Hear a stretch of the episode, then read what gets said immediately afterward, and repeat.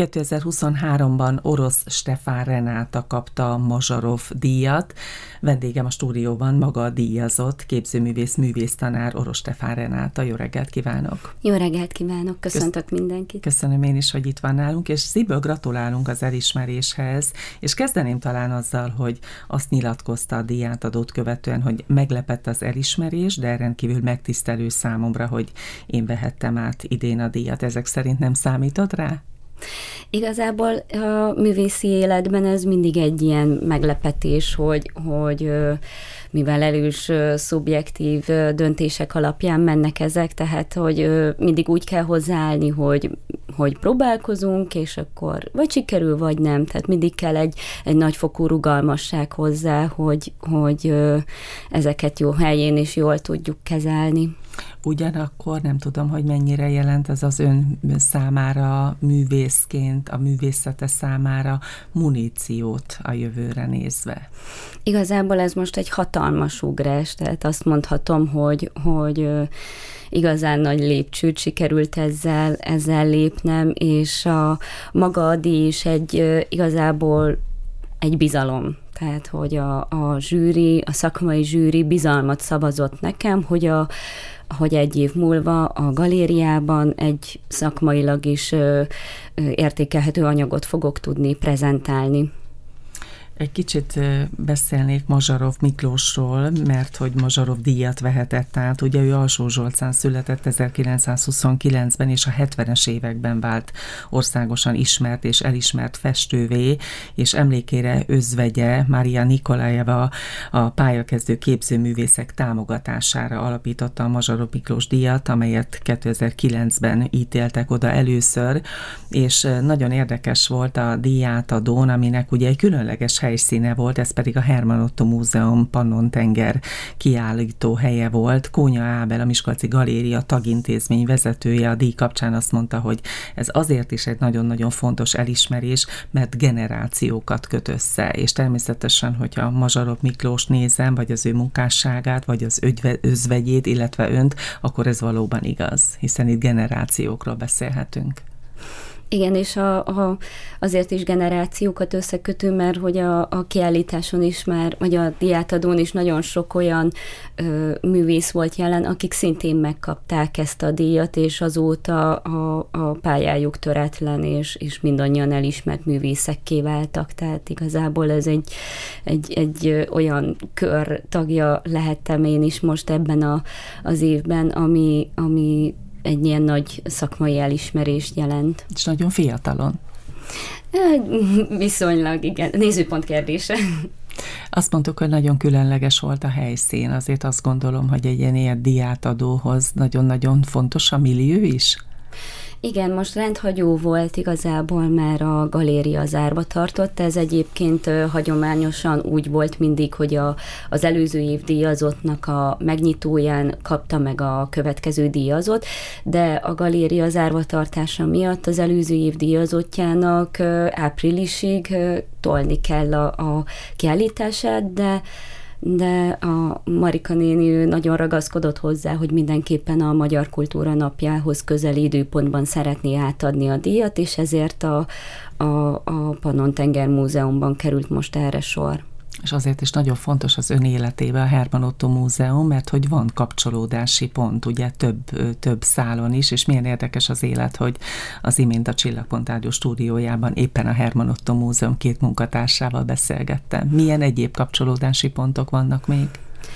Az a kapcsolódási pont most per pillanat, hogy amit említettem is, a galéria zárva tartása miatt a, a múzeum lényegében most befogadta a képzőművészeti rendezvényeket, és a hazai pálya és a kép mögött rendezvények vannak most minden héten csütörtökön 5 órától, és ennek a, a nyitó eseményén mutattat, mutathattam be én is a munkáimat.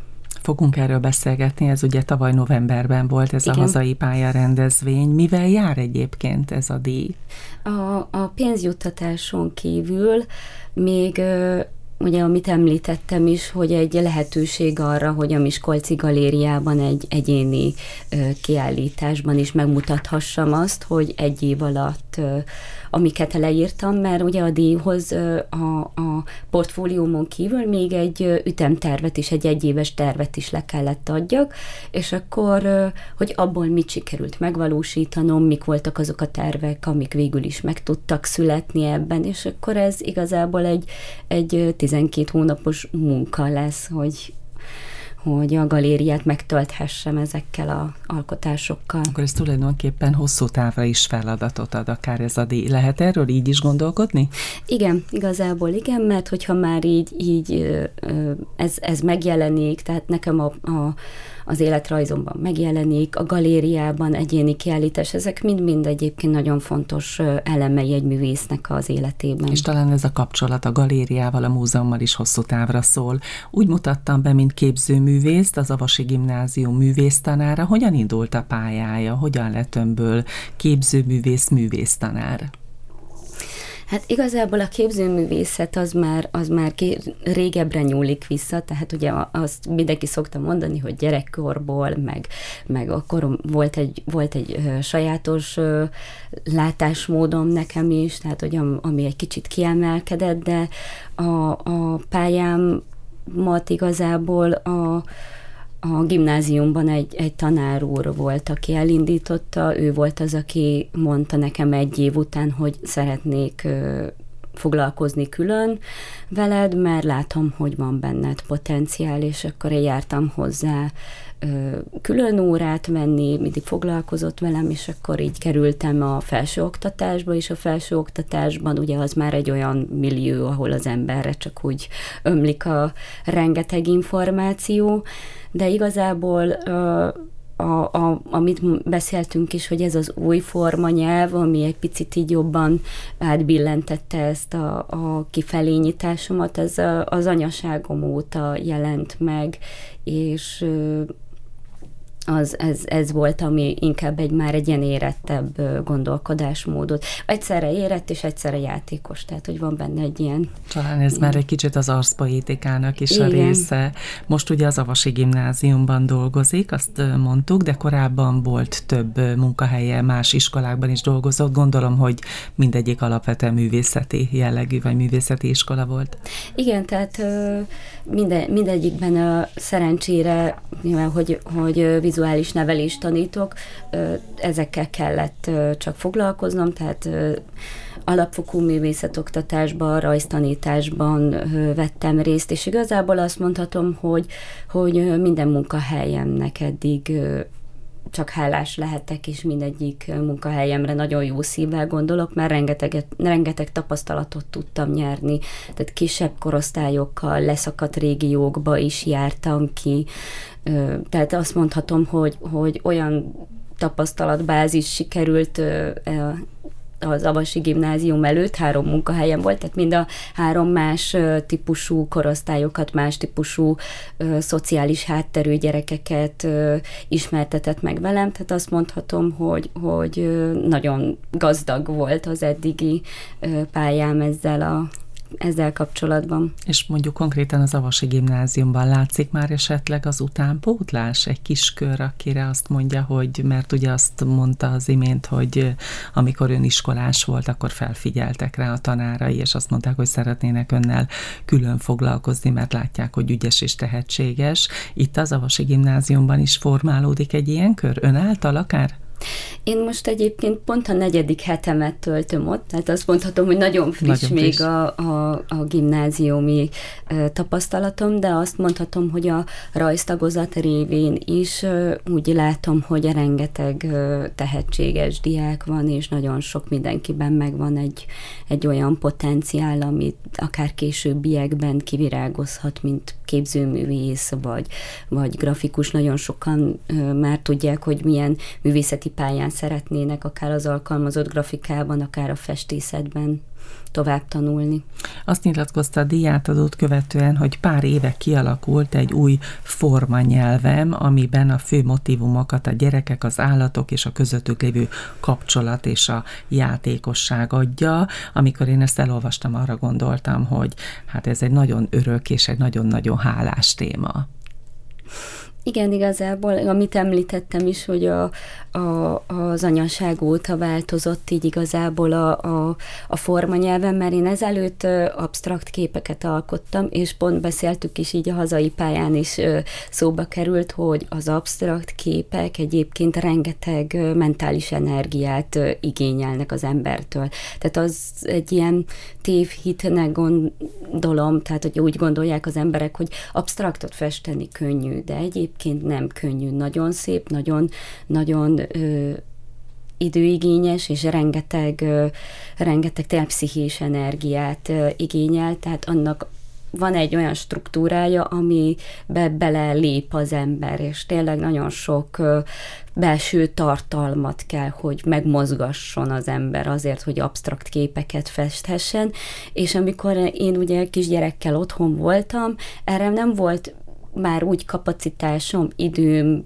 úgymond többletem. És akkor az alkotás örömét azért mégiscsak, hogyha valaki ebbe így belecsöppen, azért mégis, mégis nagyon vágyja vissza, és igazából amit így, így beszélgettünk is, meg volt máshol is, ahol elmondtam nyilatkozat, hogy nekem a kisgyerekeknek az a szabadsága, a eszközöknek a az, a, az az alkalmazása, hogy nincs kötöttség, az, az engem nagyon inspirált, és gyerekek, állatok, ö, igazából a, az állatoknak is volt egy ilyen cirkusz vonulata, amiben azért egy picit komolyabb témákat is feszegettem, tehát ezek, ezek olyan kapcsolódások, ami inkább kifelé irányította most a, a figyelmemet, tehát most kint van a fókuszom uh-huh. a bentről ki.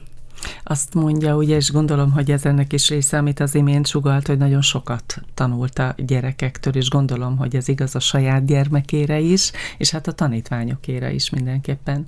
Igen, tehát én nagyon-nagyon hasznosnak és nagyon inspirálónak gondolom azt, hogy amikor együtt alkotunk, tehát én nagyon szeretek a gyerekekkel együtt alkotni, tehát akkor mi ott bemegyünk a kis világunkba, van egy kis flow élményünk, és akkor lényegében mi egyé válunk ott abban a kis térben, és ez ugye otthon is megvan nekünk a kislányommal, sőt mi van, hogy úgy mond, szoktuk mondani, hogy mi alkotópárost is hozunk létre, mert vannak olyan munkáim, amiben az ő kezenyoma is van, tehát mm. hol kisebb, hol nagyobb részben, hol csak egy kis papírfecnében, hol nagyobb felületeket mondtam, hogy, hogy ő dolgozzon meg, és akkor így lényegében együtt dolgoztunk a képeken.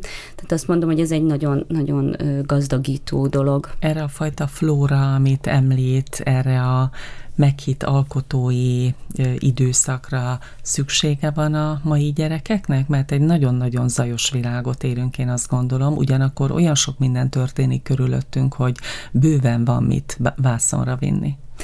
Én úgy gondolom, hogy egyébként, hogyha ha így sikerül őket becsábítani ebbe a térbe, akkor utána ők ezt nagyon vágyják, és, és igénylik, és alig várják a foglalkozásokat, tehát úgy gondolom, hogy, hogy ez is egy olyan, olyan milyen lévő pont a gyermeki lélekben, hogyha sikerül előcsalogatnia, akkor, akkor ő maga igényli már ezeket a, az időpontokat, meg az alkotó tereket, tehát ez úgy gondolom, hogy, hogy mindenképpen hasznos minden gyereknek tudnám szívből ajánlani.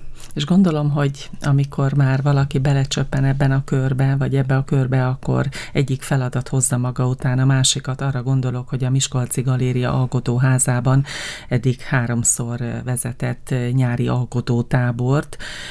Mondjuk el, hogy mik voltak ezek, mert nagyon érdekes, tanulságosak a címei, és tudom, hogy az idénre is tervezi. Ez mi lesz majd? Igen, az első táborunk az időutazók voltak, a második táborunk a tengeri kaland, és a harmadik táborunk pedig a dzsungelből dzsungelbe címet kapta. Ezek igazából úgy működtek ezek a táborok, majd ebből lesz majd egy kis tanulmány is, remélem, hogy idén már ez meg is fog születni.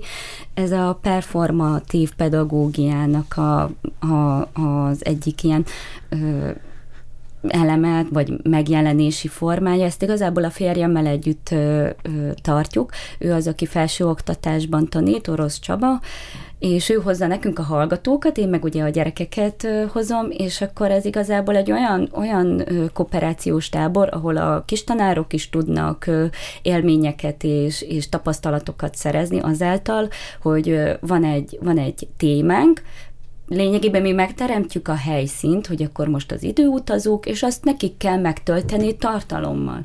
És akkor a gyerekek és a kis tanárok azok, akik ezt úgy megtöltik, hogy közösen szövik a történetet. És akkor ez, ez ebben, hogy, hogy a, a, a képzőművészet az igazából eszköze a történetépítésnek, tehát nagyon erős a drámaiság ezekben a táborokban, eszköz, eszközé válok, és nem végcéllá, hogy hogy valami szépet alkossunk. Nem ez a cél, hanem az a cél, hogy élményt, történetet, egy olyan, olyan milliót kapjanak a gyerekek, amiben, amiben öt napig ők elvesznek ebbe a világba. Uh-huh. Tehát ugye a tengeri karannál is az volt, hogy víz alatti világokat építettek a gyerekek, ahhoz is voltak mindenféle eszközök, kis videót vettünk fel, beavatások vannak, tehát hogy ez egy elég komplex történet, és ugye a dzsungelből dzsungelbe meg szintén adta magát, hogy, hogy milyen helyszínen játszódik, és a gyerekek olyan szinten elvarázsolódtak ebbe, hogy, hogy tényleg át is vedlettek ebbe a, a helyszínbe. Tehát, hogy volt már olyan, hogy az egyik kis tanár mondta, hogy elveszíthettem a fonalat, mert hogy a gyerekek teljesen, teljesen át Kizökkentették egy kicsit igen, jó értelemben. Igen, igen, tehát, hogy annyira átvette őket a hely szelleme, hogy már ők nem is gyerekek voltak, hanem tényleg benszülöttek. És tehát nagyon Igen. át tudták élni ezt az egészet. Talán ezek a táborok is jó példák arra, hogy a korosztályok, a generációk nagyon sokat tudnak egymástól tanulni, és ugye 2023-ban is terveznek nyári alkotótábort. Erre mikor, hogyan, milyen módon lehet majd jelentkezni? Van-e már tematika? Igen, de még, még nem árulom el, mert már a gyerekek is már rágják a fülemet, hogy ez a 3M lesz, három nagy darab M, de ez titok hogy mi ez a, mit fog takarni ez a 3M, majd ez ki fog derülni. Szerintem majd azért, amikor meghirdetem, akkor, akkor már erre valami mankót fogok adni, és valószínűleg azt beszéltük Madarász Györgyivel, hogy ő a galériának a, a úgymond a, a minden ügyinti, ő intéz mindent, tehát ő a, ő a kurátor, és ő az, aki a, a úgymond az anyukája az egésznek, hogy majd áprilisban elkezdjük hirdetni, mert igazából lett volna már egy olyan foglalkozás az alkotóházban, a, szintén a, az én nevemmel, ami, ami már heti rendszerességgel meg tudott volna jelenni, csak ugye a, az energiaválság ebbe is sajnos beleszólt, úgyhogy azt majd jövőre, és mm. akkor most a táborra fogunk fókuszálni. Ez minden évben június vége környékén volt, de áprilisban ezt el fogjuk kezdeni már hirdetni, és az majd a galériában lehet jelentkezni rá. És ilyen módon a táborok által azt gondolom, hogy megvalósul az arszpoétikája, ami ugye úgy szól, hogy a művészet művelése és közvetítése. Nagyon rövid időnk maradt. Képzőművészként lehet tudni, hogy most éppen mind dolgozik, akár a gyerekekkel együtt. Most itt több minden van, tehát, tehát van otthon vagy három vászon elkezdve, és van, egy, van az a vonal, ahol folytatom tovább a, a kislányommal való közös munkát, már ott is megvan a, az alap, mert ő már megrajzolta ő ügyes volt, én még, én még ezzel elmaradtam, adós maradtam. Van még szintén a, az állatokkal kapcsolatos, de most így igazából vissza szeretnék nyúlni egy kicsit az alföldi gyökereimhez is, mert én hajdunánásról érkeztem, de már nyolcadik éve itt lakom Miskolcon, tehát már azt mondhatom, hogy már Miskolci vagyok, de egy picit visszanyúlni az alföldi gyökereimhez, és, és ott, a, ott is a, a állati tehát ott inkább a jószágokkal mm. való foglalkozás, hogy, hogy egyszerre szereti az alföldi ember, és ugye mind a táplálékforrás is tekint rá, tehát ez egy ilyen kettőség, És Köszönöm szépen, köszönöm. most muszáj félbeszakítanom, de jöjjön vissza hozzánk, és akkor Rendben. már beszélgetünk akár a nyári alkotó táborról is. Oros Stefán Renáta volt a Csillapont Rádió vendége, aki az idén Mazsarov díjat kapott. Gratulálunk még egyszer. Köszönöm szépen.